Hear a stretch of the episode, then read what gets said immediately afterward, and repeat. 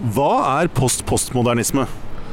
Og den er vanskelig å si, for jeg vet ikke.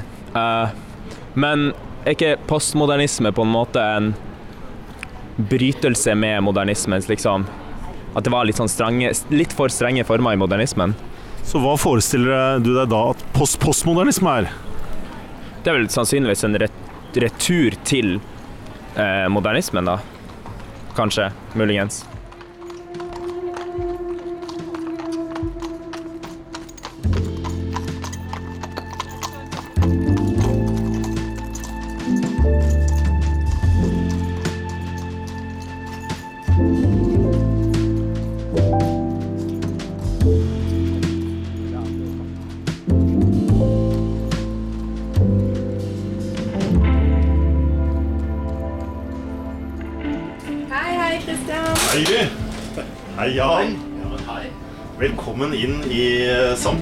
Uh, drivhus. Ja, det er flott. Ja. Jeg syns du det? Ja.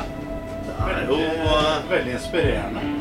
Ja, Tenker du at du kunne sittet her som forfatter og skrevet? Ja, nå liksom tankene spire, tenker jeg. Ja. Helt enig. Det er det som er målet. Vi får se hva vi finner ut i neste lille timen.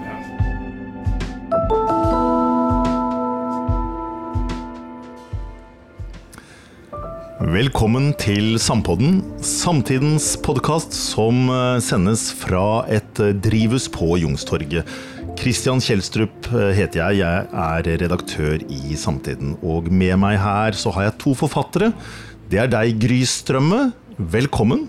Tusen takk. Du debuterte i fjor som romanforfatter med Under samme sol, og du har også studert skrivekunst ved universitetet i Oxford.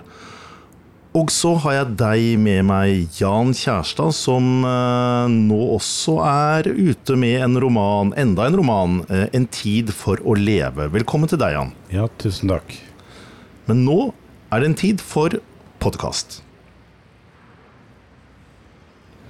Gry, det er du som er grunnen til at vi er samlet her. Du har nemlig skrevet en eh, tekst du, i det siste Samtiden. Uh, hvor du uh, introduserer uh, noe som kanskje ikke veldig mange har hørt om, ikke meg, ikke jeg heller. Post-postmodernismen. Det er jo et begrep som ikke glir sånn veldig lett over tungen. Hva i all verden er post-postmodernismen for noe? ja, det er jo et litt kronglete begrep. jeg liker også å kalle det for metamodernisme, da. Bare for, for å gjøre det enda enklere. For å gjøre det litt enklere. Eh, det er et begrep som eh, mange teoretikere i dag bruker for å forsøke å sette noen ord eller definere noen strømninger i samtiden. Og som kan sies å være en slags reaksjon på postmodernismen, med dens eh, ironi og oppløsning av vedtatte sannheter. Og, og man sier ofte de store narrativers død. At fortellingene oppløses. Og, eh, så metamodernismen handler eh, om å søke sannhet. Eh, søke emosjonell sannhet, søke enhet. Og du kan finne spor av det, mener mange, da, i både litteratur og i andre, andre steder i kulturen vår i dag. Så har vi da med oss Jan, fordi du nevner i denne teksten Jan Kjærstad som en som var sentral i, i sin tid som uh, daværende redaktør Jan, av litteraturtidsskriftet Vindu Introduserte postmoderne forfattere. Ikke postpost, -post, men postmoderne. Da hadde vi kommet dit. Og du blir også selv ofte nevnt uh, i, i, sammenheng med den ismen. Hvis man uh, ser på snl.no, leser deg om postmodernisme, så står det f.eks. at din roman fra 80-tallet, 'Homo falsus', var en postmoderne roman. Da du som redaktør og forfatter på 80-tallet forholdt deg til alle disse angivelig postmoderne forfatterne, hva var det du ønsket å bringe inn i den norske litterære offentligheten da? Ja, jeg må jo først si at jeg personlig ikke har betraktet meg som postmodernist. Det er noe som, en merkelapp som andre har satt på et par av romanene mine. Men eh, det var jo naturlig når jeg er da redaktør av det største litterære tidsskriftet vi har, da, at jeg forsøker å eh, trekke inn det som skjer av eh, litterære diskusjoner da, og strømninger i Skandinavia, Europa og resten av verden. Så det gjorde vi, men det som var problemet, var jo det at uh, jeg tror det er mye enklere å, å, å fortelle hva postmodernisme er f.eks. i arkitektur som det er en da, blanding av stilformer. Mens uh, den postmoderne litteraturen den er mye mer broket, og du finner ikke så lett noen fellesnevner, bortsett fra dette her at det, uh, det, ble enda mer tydelig at man trakk inn forfatteren da, i verket. Pekte på at det skrives, at det er kunstig. Sånne ting. Og som Gry også sier, altså at de store fortellinger er døde. Man plukka det litt fra hverandre, dekonstruerte. Eh, og moralen var heller ikke i høysetet. Det var noen som sa at det var nihilistisk. Men allikevel så tenker jeg at eh, postmodernismen som litteratur kom aldri til Norge. Det er min eh, arbeidshypotese.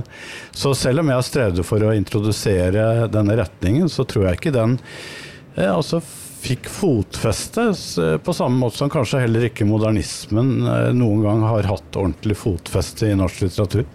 Det er morsomt at du sier at den aldri kom til eh, Norge. Da, for det, det, finnes jo faktisk en bok som heter 'Da postmodernismen kom til Norge' av redaktør i Morgenbladet Bjarne Riise Gundersen, hvor du, Jan Kjærstad, er intervjuet som en av dem som bidro sterkt til å bringe postmodernismen til Norge. Men så, så sier du at du selv egentlig ikke kaller deg for en postmodernist. Så når det står da i et etablert leksikon som Store norske leksikon at din roman 'Homo falsus' er postmoderne, er det noe du da ikke kjenner deg igjen i?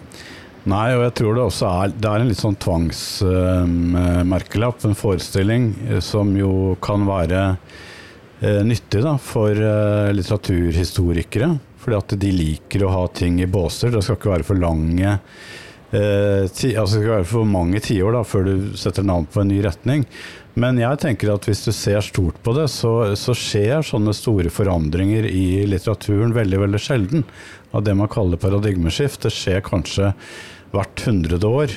Så jeg tenker at uh, det var et stort sprang når man gikk fra romantikken og uh, realismen over til modernismen. Uh, rett etter 1900. Eh, men etter det så kan ikke jeg se det helt store revolusjonære forandringen i måten å skrive på og tenkemåtene rundt litteratur. Så jeg tenker for meg selv og personlig at det er mye mer fruktbart å snakke om at vi fremdeles da i dag er i en senmodernisme, og at det man da kaller for Altså F.eks. den franske nyromanen, magisk realisme, den nykolonialismen med Rushdie og hele den gjengen der som, som skriver fra kolonien og har to, ett ben i, i, i, hver kultur. Da. Og også den nye eh, amerikanske litteraturen, og også virkelighetslitteraturen, eh, som vi har sett de siste 15 årene. Da. At det bare er grener av modernismen som man kan ta og bruke sekkebetegnelsen senmodernisme på. Nå ble, det, nå ble det mange begreper her. Eh, vi som, eller de av oss som har studert litteratur, er vant til å tenke da, i hvert fall på litteraturhistorien som eh, hva skal vi si da, en slags sånn stafett av ulike ismer som samler begreper som avløser hverandre. Da. Fra romantikk til realisme til naturalisme til kanskje nyromantikk, modernisme osv. Eh, og så er det jo du, da, Gry Strømme, som, eh, som nå vil introdusere for norske lesere dette post-postmodernisme-begrepet. Da jeg gikk på Blindern, for 20 år siden så var i hvert fall postmodernisme et begrep mange likte å si at de hadde et forhold til. Det er ikke sikkert alle oss klarte å definere det, men, eh, men det var et, et, levende begrep. Men post-postmodernisme det er eh, knapt noen, tror jeg, som, som, egentlig har så mye forhold til. Men det har altså du. Så hvorfor var det så viktig for deg å skrive om dette? Eh, ja, det har jeg lyst til å si litt om. Men jeg vil bare først kommentere det som Jan sier om senmodernisme. Og det syns jeg er et ganske godt, eh, godt begrep og, og, fanger kanskje godt. For det, vi er jo fortsatt i modernismen, både med postmodernismen og metamodernismen. Så hører jo det i begrepene at vi forholder oss til noe av de samme, samme tingene. men grunnen til at jeg ble nysgjerrig på dette, det var når jeg studerte på Oxford og lærte om disse to uh, siste ismene, som, som uh, modernismen og postmodernismen, så ble jeg veldig nysgjerrig. Ja, men hva skjer i dag? Det står liksom ingenting uh, etter postmodernismen. Hva, hva, forholder vi oss til i dag? Og da gikk jeg til min veileder og la fram tankene mine og, og spurte om jeg kunne få lov til å forske litt på det. Og, og da tenker jeg sånn at hvis du er i akademia, så er du ofte litt sånn nysgjerrig på nye ting og kan ta til deg nye ting, selv om de ikke er helt sånn hugget i stein. Um, så de var åpne for at jeg fikk lov til å gå inn og, og, og forske på dette. Så jeg er opptatt av å forstå uh, tiden vi lever i. Jeg, jeg elsker litteratur. Jeg, jeg ønsker å, å uh, se både Sette begreper på samtiden for å kunne forstå mer hvor vi er i dag, men også for å se om det kan løfte litteraturen vår i dag. Gjør det noe med litteraturen i dag ved å ha et tydeligere begrep om eh, metamodernismen, men også de andre tradisjonene helt tilbake til antikken. Da. Så det var en slags sånn nysgjerrighet og et ønske om å se om eh, det kunne gjøre litteraturen bedre og ha et mer bevisst forhold til eh, ja, for det opplever jeg at dere begge to, med deres respektive forskjeller, har til felles. At dere, mm, du som redaktør av Vinduet, Jan, og du nå med denne teksten i Samtiden, Gry, ønsker på en måte å i hvert fall forsøke å stimulere til å trekke litteraturen i nye retninger. Da. Det er jo lett å bare som forfatter kanskje skrive bok på bok på bok. Og så kommer du nå, Gry, og sier vent, stopp opp. Eh, det er noe som heter post-postmodernisme eh, der ute, dere. Dette må vi forholde oss til. Så kanskje ikke det viktigste for deg bare er denne ismen i seg selv, men mer at man som forfatter er bevisst en større kontekst. Er det, er det sånn jeg skal tolke deg? Ja, det, det er egentlig det det handler om. Og det er ikke sånn at jeg har en bestemt poetikk og sier at nå må alle forholde seg til ismen, og jeg tror det er den eneste rette vei osv. Jeg tror heller ikke at det er et begrep som nødvendigvis eh, treffer like godt, og ikke alle kan eh, passe inn i, i denne boksen. Og det er ikke noe hyggelig å være i bokser uansett.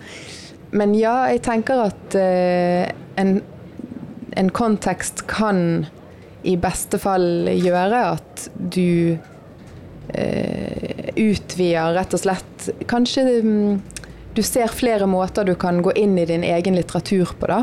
Jeg er opptatt av at norsk samtidslitteratur kanskje kan bli enda mer eh, eksistensiell, enda dypere. Og prøver i denne teksten å se på om å ha et, et slikt forhold til eh, tradisjonen og, og samtiden, om det kan være en måte å få det til på. Men et spørsmål kunne være uh, trenger vi disse ismebetegnelsene til dette? Altså trenger vi å kalle det noe? Eh, som forfatter tror jeg ikke det nødvendigvis er så fruktbart å tenke altfor mye på de begrepene. Sånn, eh, I alle fall ikke mens du skriver. Men jeg tenker sånn, hvis du har skrevet la oss si ti bøker, eller du er en etablert forfatter, og du merker at du sirkler om de samme temaene i bøkene du skriver, så er det noen forfattere som klarer å for hver bok liksom trenger dypere inn i den tematikken. F.eks. syns jeg Vigdis Hjorth får det veldig godt til. At hun i hver bok på en måte tar et steg dypere i en problematikk som kanskje kan hete sånn Hva er et godt menneske? eller eh, Så tror jeg at eh, La oss si du har et eller annet som pirker. Og så får du noen begreper i samtiden som sier at ja, nå er det en slags følelse rundt oss der vi er mer opptatt av, la oss si, ærlighet. Eh, er det noe i teksten din som liksom tangerer dette, og som kanskje kan gi deg mot til å eh, trenge inn i det og, og, gå i en tydeligere retning? Da? Det er det jeg liksom driver og funderer på, om det kan være en av, av måtene. ja. Men Jan, dette er noe du er veldig opptatt av eh, som forfatter. Så har du bl.a. som essayist kommet inn på modernistenes slogan 'Make it new'. Og Så er da spørsmålet hvordan man som forfatter, og dette har du lang erfaring i, skal bryte med seg selv og 'make it new' for hver bok, nærmest. Kommer impulsen eh, til å skrive nytt fra, slik Gry er inne på, en sånn stor isme? Eller kommer det helt andre steder fra?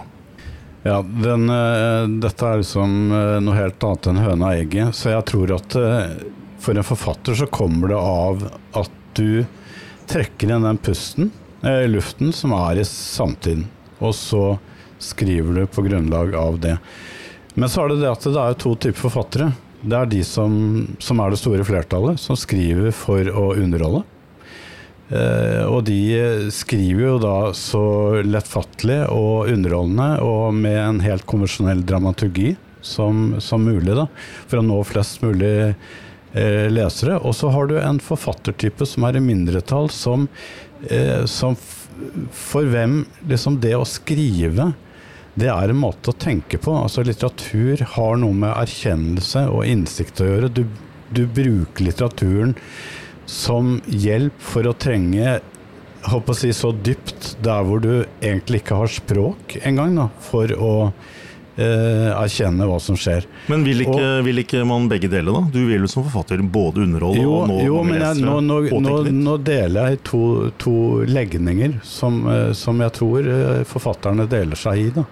Og, og, jeg tilhører den siste. Altså, jeg vil gjerne eh, erkjenne hva som skjer i samtiden. Jeg vil selvfølgelig også underholde, men det viktigste for meg er å, å, skrive noe som er annerledes. Som, som, forsøker å fange altså det man med en klisjé kaller tidsånden. Og den altså jeg håper å si, Enten har man flaks, eller så har man ikke. Så hadde jeg levd i hva skal jeg si, eh, i en sånn enorm brytningstid, da, som var eh, sånn som det var rett etter 1900, med altså en helt ny teknologi, med en helt ny måte å bo på, tett sammen i byer, som da eh, skapte en helt ny puls. Så, så, fikk man da uvilkårlig, hvis man stakk fingeren i bakken, så fikk man en ny tenkemåte. Og da kommer også en helt ny skrivemåte, da, med f.eks. indre monolog og altså det man kaller stream of consciousness. Og, og liksom mye mer Du må prøve å fange det med mer kompliserte komposisjoner. Mens eh, jeg tenker at det er ikke sikkert at vi i dag lever i en tid som har den samme brytningen, selv om vi tror det hele tiden. At f.eks. nye medier og at vi har eh, altså eh, Nå er alle på skjerm og sånne ting. Det er ikke gitt at det er like revolusjonerende. Men jeg som forfatter forsøker jo hele tiden å make it new. Og Men, det lurer jeg veldig på ja. hvordan du gjør det, for du har skrevet en rekke bøker, primært romaner. Eh, når du da har eh, kommet med én roman hvor du har gjort noe nytt, er det da at når du er i gang med enda en roman, så ser du tilbake at ai, nå gjør jeg det sånn, ja da er jeg nødt til å gå i enda ny retning? Ja, jeg personlig har det sånn. Hvordan, hvordan, gjør du det, da? Nei, Det er bare at jeg da har flytta meg. Jeg har levd tre år til, og da har jeg blitt nysgjerrig eh, på helt andre ting. Og i beste fall så har jeg også altså, tilegnet meg mer stoff, da, mer erfaring, sånn at jeg kan skrive annerledes. Så jeg har jo flyttet meg. Siste 15 årene så har jeg vært veldig opptatt av darwinismen. Og det er jo en veldig gammel, altså 150 år nesten gammel tankeretning som ikke har blitt inkorporert i litteraturen i det hele tatt. Altså Vi har bare vært opptatt av Freud og freudanisme, som alle som plankekjører hele tida. Mens eh, darwinismen er de fleste helt blanke på når det gjelder litteratur.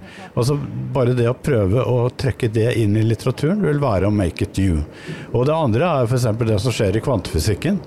Med en helt, som, som er også nesten umulig å formidle, for at det skjer på et så lite eh, plan at det er vanskelig å trekke paralleller da, i det store universet som en, en roman er. Men det å bruke da erfaringer som man har da funnet innenfor kvantemekanikk og fysikk innen litteraturen, det, det er noe som kommer nå for fulle mugger. Og det samme kan du si med, med altså det man kaller for transhumanisme. Da, at vi er, vi er i liksom å forandre oss. Er vi det mennesket som vi var for 100 år siden? I og med at vi har nye kunstige kroppsdeler. Og er vi gått inn, inn i noe som man kaller for antropocen, hvor mennesket hvis vi setter avtrykk på jorda, at vi har, vi har liksom gått fra den forrige geologiske epoken til noe nytt. Alt dette her tenker jeg må forandre tenkemåten vår, og må da også gjøre at vi forteller på en ny måte. Vi kan godt fortelle historier som vi gjorde før, men vi må sette de sammen på en helt ny måte, tenker jeg da. Og er, jeg har det hele tida som en slags sånn drivkraft i meg. Og jeg, jeg, vet ikke helt hvorfor. Jeg tror det bare det er min legning. Og jeg kan heller ikke da anklage mine kolleger for at de ikke velger å gjøre det sånn, men heller å skrive tradisjonelle romaner. Det er iallfall ikke kjedelig å være forfatter i 2021, kan vi slå fast. Men vi må litt tilbake til, eh, til teksten til, eh, til deg, Gry. Altså, Eh, og denne post-postmodernismen. For du anklager ikke dine forfatterkolleger, men jeg leser likevel teksten din som et ønske om å vekke opp forfattere. Uh, og si hei dere, se utover dere selv, se utover eget forfatterskap. Det er noen større strømninger uh, der ute, og hvis dere kobler dere på det, så kan det skje noe nytt. Bare før, før jeg før jeg ber deg snakke mer om det, Ispen, hva, du som har lest teksten til, til Gry, Jan, hva, hva syns du om Grys forsøk på å, på å vekke forfatterne igjen nå? For det første syns jeg det var en veldig god tekst, for den er så klart skrevet. Og den er veldig godt bygd opp, fint komponert. Og du har også presenterer en del forfatterskap som jeg tror er fremmede da, for mange norske lesere. Så, så du, du, får liksom hele tiden payoff også på andre måter enn du kanskje tror. Eh, bortsett fra hovedtanken. Men, men, hovedideen med essayet, artikkelen, det er jo det å sette en tegnstift i rumpa på både norske forfattere, men kanskje hele litterære miljøet, inkludert formidlerne, og også inkludert akademia. Og jeg vil jo tenke det at eh, de fleste forfattere kanskje eh, går klar anklagen, for de prøver, i hvert fall mange, å eksperimentere og skrive nytt.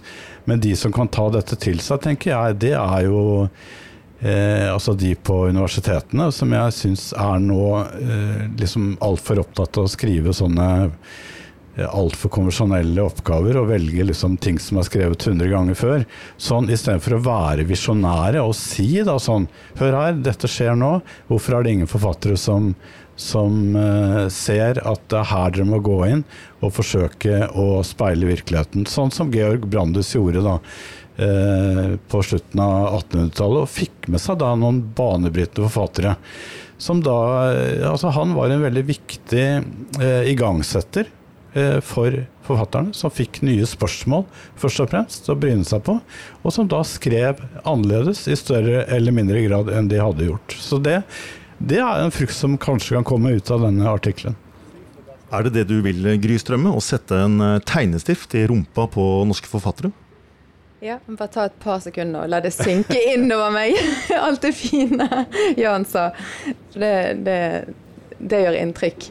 Ja, jeg har, eh, har, lyst til det, men, men inkluderer meg selv i, i, den eh, kategorien som trenger de tegnestiftene, altså.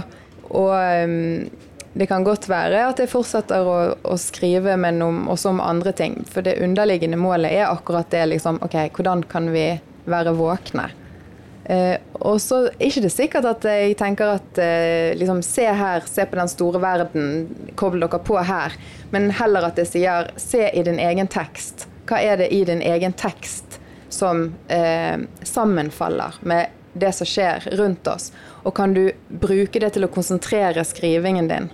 og gå dypere inn i den tematikken du allerede er opptatt av. Da.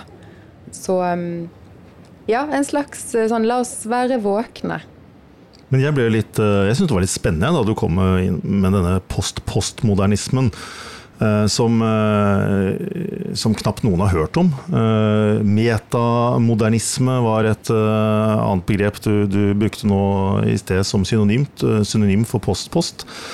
I et annet nettleksikon, Wikipedia, så står det at Tore Renberg er en eh, eksempel på en forfatter som eh, kan eh, kobles til denne metamodernismen. Jeg meldte med han før denne samtalen. og og, og, og, spurte han om hans forhold til begrepet, og han sa at ja, jeg hører rykter om at jeg er en metamodernist. Jeg har aldri kalt meg det. Så det er litt interessant at vi angivelig, for det skriver jo du, vi lever fortsatt i en tid som kan kalles post postmodernistisk. Jeg ja, ante ikke det. Men jeg er litt enig med Jan også at det vi kanskje tror er store strømninger, egentlig bare er noen små bølger på vei mot noe som er større. Som om det er en slags bølge som bygger seg opp mot noe annet, og som ikke er utløst ennå. Og at vi fortsatt på en måte er innenfor modernismens rammer. Eh, og at det store krasjet eller eksplosjonen kanskje ikke kommer eh, med vår generasjon, men kanskje den generasjonen forfattere som er enda litt yngre. Som er nødt til å forholde seg til, til de tingene som vi nå liksom begynner å ta inn over oss, holder på å skje. Sånn, eh, Marta Norheim skriver at ja, det er mange som skriver om klima i dag, men jeg får ikke noen sånn spesiell følelse av at vi har så mange samtidsforfattere som, som, som skriver om, om, det da selv. Men det kan jo være NRKs litteraturkritiker Marta Norheim. Ja, riktig. Eh, men det kan jo være at, eh, at det blir eh, mer akutt etter hvert, og at det er det som kommer, eh, også som, som, Jan peker på. da. Så, men, men, det, er klart at hvis vi hadde måtte, tatt et helikopter da, opp i lufta over vår egen tid, og, og, latt det gå tilstrekkelig lang tid, så ville vi kanskje sett denne post-postmodernismen også som en liten krusning. Men det var nå engang den du har grepet fatt i, da, det som jeg syns var litt interessant det var jo at Eller er at uh, postmodernisme, uh, enten man vet helt hva det er, eller kan uh, bekjenne seg til den eller ikke, har vært et begrep som uh, fall på universitetene har sirkulert i ganske mange år. Post-postmodernisme skriver du i teksten din. Du har foretatt et nettsøk, og det kommer nesten ikke opp ett eneste treff. Eh, og da kunne man jo tenke at eh, jaha, da er vel, eh, da er vel ismenes tid forbi, da. Men nei, sier du. I utlandet så lever denne post-postmodernismen i beste velgående. Så handler det bare om at det er vi i Norge som er litt treige? Ja, vi er jo det. Jeg synes jo, Hvis du ser på også de andre paradigmene, så ligger vi jo kanskje noen ganger et par hundre år etter de store strømningene i, ellers i Europa. Og, så, så det hvis det er lov å si, og, som, og jeg vet at essay også kan være litt uh, provoserende, men det er også litt irriterende for meg at vi er litt sånn uh, trege med å det er, åpne opp. Det er irriterende at ikke flere er uh, oppmerksomme på post-postmodernismen. Da må jeg spørre deg, Jan, hadde, hadde du hørt om post-postmodernismen? Ja, altså jeg, jeg, min jobb er å følge litt med, da tenker jeg som forfatter, så jeg har lest det. Men jeg har ikke vært sånn at jeg har tent på det. Det har jeg ikke, for jeg har hele tiden tenkt at dette er bare en slags etterdønning, da, eller en, en, en, egentlig en litt sånn blekere avskygning av uh, postmodernisme. For må, vi må huske det at postmodernisme var backet veldig av filosofien, særlig de franske filosofene, da, som også da vant gjensvar i Amerika eh, på, eh, hos de store professorene i litteratur eh, på de berømte universitetene. Så det, så det ble liksom veldig, veldig tydelig. Og det, denne homogene responsen har ikke post-postmodernismen fått. Så det har bare blitt en sånn Altså har blitt en hypotese. Så kanskje, altså, kanskje, det er en hypotese som vil vinne mer gjensvar. Men, men øh, altså det, er det som også da essayet til Gry oppmuntrer til, det er jo liksom å spekulere litt. Ja, men herregud, altså skal vi Ja, men hva, hva tenker jeg? Er det noe som skjer nå som man kunne kalle noe nytt? da?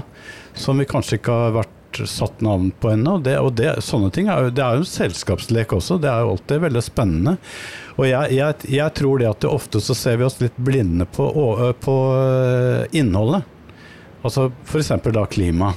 Altså det, er, det, er, ikke sikkert at en, altså en, en, roman som er kjempegod til å si noe innsiktsfullt om klimaproblemet i dag, er viktig eh, litterært på den måten at det er en ny isme. For den kan være helt tradisjonell. Ikke sant? En god, en god, bok, en god roman om klima, men ikke noe, eh, ikke noe viktig formen, da, som er det som jeg tenker alltid er det som gjør og skaper en ny isme. Det er altså i selve den fundamentale tenkemåten som speiler seg i da, eh, måten man formgir eh, tematikken på, som gjør at man får en ny type litteratur. Og så glemmer man også det at eh, av og til så kan en ny isme komme ved at man griper tilbake i tid. Jeg tror f.eks. at eh, Jon Fosse, som er en veldig viktig samtidsforfatter, han er noe jeg vil kalle en neo gregorianer. Oh, yes, altså en nygregoriansk litteratur. Altså Han griper tilbake til eh, hva skal jeg si, en slags sånn liturgisk skrivemåte da, som minner også om, om, den gregorianske musikken, som er veldig monoton, men som har da en spesiell eh, virkning da på mennesker. Så du kan godt si at det, eh, når han skriver på den måten han gjør i dag, så virker det altså veldig forfriskende. Samtidig som man kunne kalle dem en gammel isme-markelapp. Ja, oh, dette var masse, masse, gøy å kommentere på her. Altså, eh, jeg tenker at, eh, at metamodernismen ikke eh, en, kan sammenlignes med postmodernismen. Eh, for det at eh, postmodernismen eh, som Jan sa, dekonstruerte sannhet. Det finnes ikke sannhet, det finnes bare diskurser. Mens metamodernismen er helt eksplisitt sannhetssøkende, enhetssøkende. Og går mer mot det mystiske og til og med inn i det spirituelle, kan man si. Eh, Hvordan gjør og, den det? Ja, og, men det som er litt interessant, er at han gjør det ikke gjennom å prøve å søke én spesifikk form. Det som kjennetegner eh, denne ja, jeg vet ikke helt hva man skal kalle det, men strømningen, da, eh, er at du får, har en rekke ulike former. Men under formen så ligger det samme og pumper. Der ligger denne her sannhetssøkningen. Så Derfor kan du ta et verk av Knausgård, som er ekstremt subjektivt og selvbiografisk, og sammenligne det med Rachel Cusk, som har et utslettet fortellerperspektiv i sin triologi eh, som kom mellom 2016 og 2018. Eh, og så kan du sammenligne de og putte de litt i samme kategori, for det at under der så ligger det samme og pumper.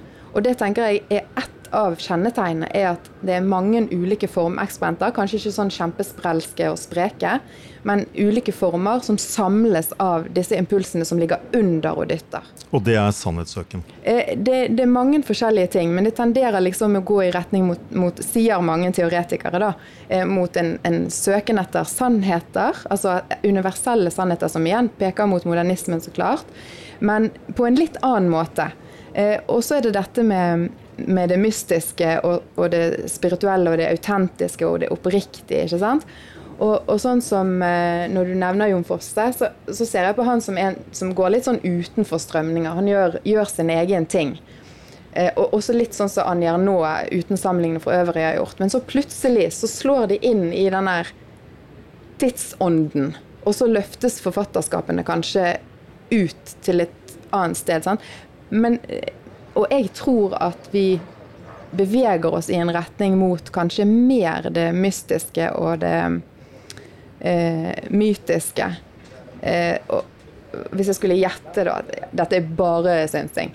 Men eh, at kanskje det er liksom i det terrenget vi er sånn litt på vei over i, som kanskje blir noe, noe annet igjen, da. Det, Hvorfor tror du det?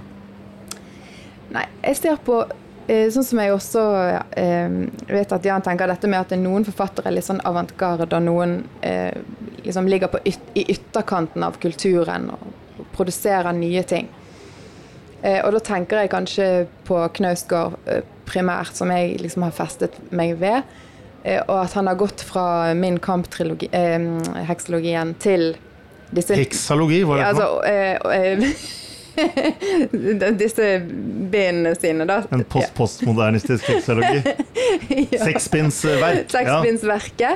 Eh, til nå å skrive med tradisjonell eh, struktur. Eh, helt vanlig mm, dramaturgi. Forteller en historie om ulike personer. Men så ligger det i sånn mytisk og my mystisk univers. Og det samme kan du også se i Kusk sin nyeste roman. Nå kommer det andre del av den Kusk, Hvem var det? Rachel Kusk, som jeg nevnte i sted. Ja. Den britiske forfatteren Rachel Kusk. Yes. Men det du sier med sannheter, altså at post-postmodernismen har eh, til felles angivelig en del forfattere som skriver helt, med helt ulike former, har en slags sånn søken etter universelle sannheter som, som fellesnevner. Det høres jo på en måte litt reaksjonært ut. Eh, handler dette om noe tidstypisk? At det å leve da i en sånn angivelig meningsløs tilværelse, det, det får en reaksjon før eller senere? I den enklere, mer sannhetssøkende litteratur? Ja, men jeg, jeg, tror at uh, her igjen altså Jeg er veldig opptatt av at vi hever, uh, hever blikket. Gjerne ta helikopter, som du sa. Eh, for at vi, vi, Det er jo liksom Darwins store tanke også. Og at vi ser på geologien, ser hvor, ser hvor langsomt det går. Altså vi, vi, klarer ikke å tenke i store sprang. Vi har sånn tilbøyelighet til å tenke år for år og tiår for tiår, og så ser vi store bevegelser. Men de er veldig små, nå, Sett, sett høyt oppnefra. Og hvis du ser på litteraturhistorien, så har egentlig alle disse tingene vært til stede samtidig hele tida. Altså sannhet og fornektelse av sannheten. De store historiene, kritikken av de store historiene. Plukke alt fra hverandre, sette sammen igjen. Dette er fra vi sitter ved Leirvoll og forteller historier. Eh, så liksom romantikk og realisme, vi prøver å dra det fra hverandre og si at de ligger etter hverandre, men de er ved siden av hverandre. All litteratur er både realistisk og romantisk. Og metalitterær, da, eller postmodernistisk, eller metamodernistisk. Så jeg tenker at altså vi hele tiden vi, vi, vi, hater å måtte godta at uh, liksom, litteraturen er komplisert. Vi vil liksom plukke det fra hverandre og, og si at uh, Nei, hør nå her, er, da er det sånn, og så blir det sånn. Mens uh, litteraturen som skrives i dag, den er både realistisk og romantisk, mystisk og sekulær og eh, gammeldags og nyskapende på likt. Og det, jeg tror at all litteratur som er verdt navnlitteratur, den er sånn. Og må være sånn. Lett skal det ikke være. Nei, altså det er utrolig eh, sånn vakkert å høre på det du sier. Og jeg er, jeg er enig også. Eh, og så Likevel så tenker jeg på at eh, ja, eh, hvis, ting i, hvis ting er litt sykliske, da, og dukker opp på nytt, og igjen og igjen, og eksisterer parallelt osv., så, videre, så vil likevel den, den spesifikke tiden vi lever i, ha sine egne avtrykk inn i litteraturen. Som er helt sånn typ, tidstypiske ting som vi baler med, som eh, Raymond Williams da kaller følelsesstruktur. Altså vår tids følelsesstruktur.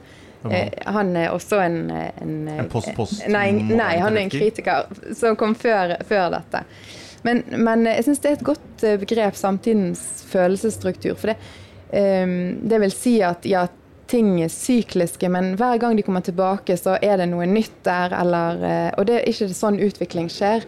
Og så tror jeg også at det går an å trekke ut noen fellestrekk i hver tid. Ikke som alle kan falle inn under, men som er litt sånn typiske.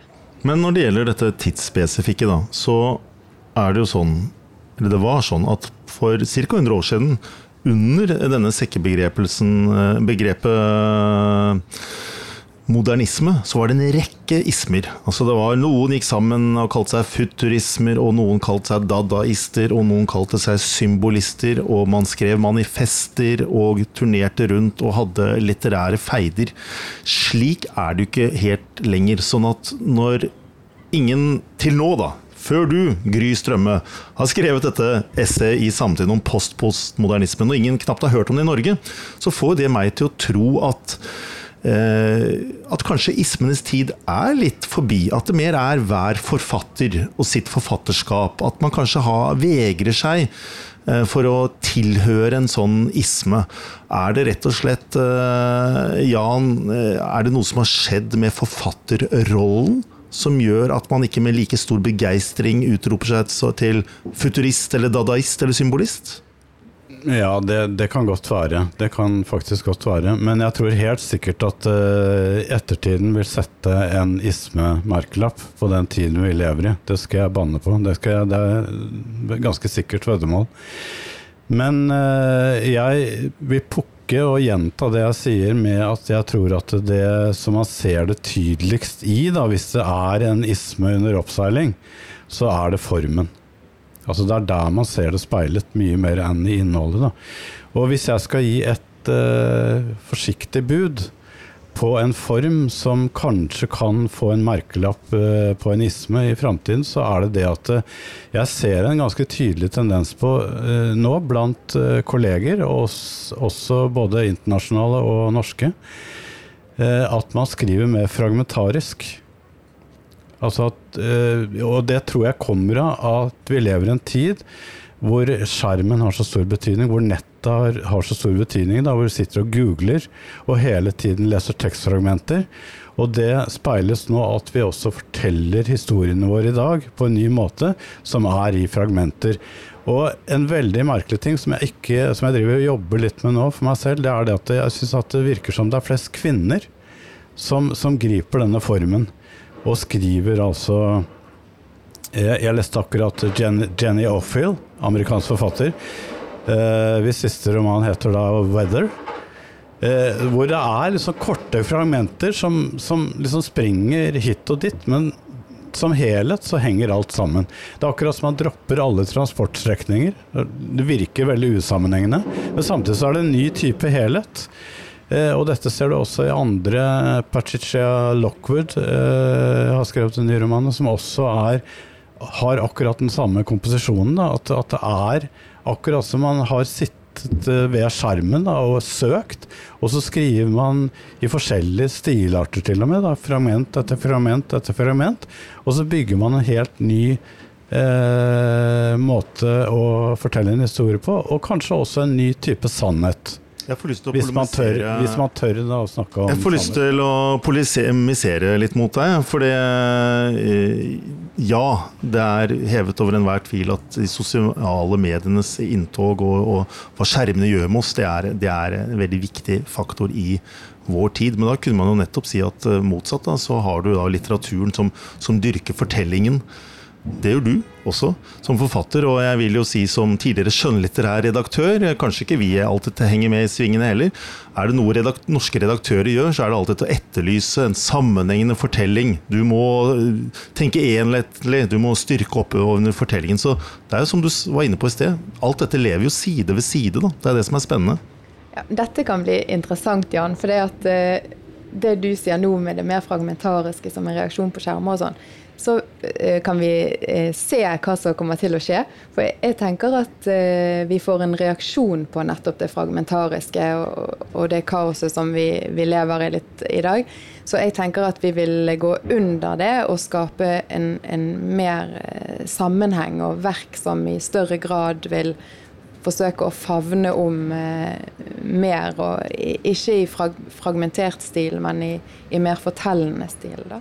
Ja, men så er det det. Jeg tenker også da, for å være liksom litt sånn Ikke for å være pessimist, da, men vi må jo bare innse at uh, skjønnlitteraturens eh, univers skrumper. Holdt på å si dag for dag. En god historie vil aldri dø. Altså, Mennesker vil alltid fortelle. Men det kan godt være at vi nå er midt i en metamorfose. At vi forlater liksom eh, romanen som eh, trykket i en bok, da, som kan bli lest inn også som en sammenhengende fortelling. Og går over i en eh, måte, hvis da litteraturen skal overleve, så må den kunne leses på mobil, rett og slett. Og da må man skrive korte tekster som man kan lese, som kanskje tar åtte-ti minutter, som man leser på trikken, og så tar man en ny tekst om kvelden, og så tar man en på på vei til jobben neste dag osv. Og, og så bygger man dette sammen til en ny type fortelling. Så vi må ikke være fremmed for at eh, liksom hele mediet forandrer seg. Altså det, det vi kaller, eh, kaller skjønnlitteratur. Men skjønnlitteraturen skrumper jo heller ikke mer enn at det aldri noen gang har vært eh, flere forfattere. Det tenker jeg også må være en slags grunn til at man kanskje ikke like enkelt kan samle seg under en fane eller et manifest som før. For da var det liksom åtte forfattere da, som, som dannet en bevegelse. Nå er det jo liksom 50 debutanter hvert år som pøses ut fra skriveskolen. Alle vil jo skrive en roman. I hvert fall. Jeg hadde tenkt å avslutte med å be dere begge to, Jan Kjærstad og Gry Strømme, om å se litt inn i krystallkulen. Vi sitter jo i en slags sånn diger krystallkule inne, inne i drivhuset her, hvor solen nå har begynt å, å titte inn på Youngstorget. Og dere har jo allerede gjort det. Eh, Men, men helt til slutt, da. Det vi jo egentlig snakker om, det er jo hvordan kan litteraturen hele tiden forandre seg for å være relevant? Hvordan kan litteraturen utfordre seg selv? Spørre dere helt avslutningsvis. Eh, deg først, Gry Strømme, som har skrevet denne teksten i Samtiden. Hvis du har et tips til en forfatter, hva skal en skjønnlitterær forfatter som ikke nødvendigvis bare skriver om sin egen historie, gjøre for å trekke seg selv i nye retninger nå? Gå forbi det psykologisk allmenne, og se hvilke strømninger som ligger under psykologien. Se på de store strømningene som du kanskje til og med kan finne igjen i kvantefysikken og, og ellers i Einsteins teorier, så vel som i mennesket. Altså, det ligger noe under eh, psykologien som jeg tror at eh, både Knausgård og Køsk prøver å sette ord på i sine siste bøker. Og som er litt sånn der eh, stalltips å følge, følge litt med på eh, hva som kommer der. For det, igjen, jeg tror kanskje at vi går mot noe sånn mystisk og mytisk. Men eh, som sagt, det er helt eh, ja, Det gjenstår å se. Jan Kjærstad, du har eh, skrevet romaner i flere tiår. Du har virket som litteraturkritiker eller essayist og tidsskriftredaktør i Vinduet. Til en ung forfatter som vil opp og frem i verden og skille seg ut. Hva er ditt velmente faderlige råd? Ja, Det er jo en grunn til at jeg har ikke blitt nei, ikke blitt redaktør. Jeg har valgt bare å skrive. Så, så jeg veldig, vil være veldig forsiktig med å, med å, gi råd. For jeg tror det er så individuelt, og man har sine skavanker og sin styrke. Eh, men jeg tror at det er viktig at man eh, Altså, jeg tror man skal tørre å være ambisiøs. Altså, at det er liksom av og til man rygger tilbake da, for dette her snakk om mot. Eh, fordi at hvis du vil gjøre noe viktig, da, i den grad eh, det er et mål, eh, så må du tørre å ta en risiko. Altså Det er ikke noe vei utenom. Du må tørre å gå på trynet. Men ellers så er det jo bare å leve med alle sanser åpne og senke skuldrene og skrive som faen. Det var siste ord, tror jeg, fra Jungstorget og drivhuset til eh, Sampodden. Eh, tusen takk for at eh, dere har dratt oss gjennom både post-postmodernismen og mer til. Gry Strømme, som har skrevet i siste samtiden. Jan Kjærstad, kanskje møtes vi her om ti år, hvis drivhuset fortsatt står, og diskuterer post-post-postmodernismen. Hvem vet? Christian Kjeltrup heter jeg. Jeg er redaktør i Samtiden. Takk for oss.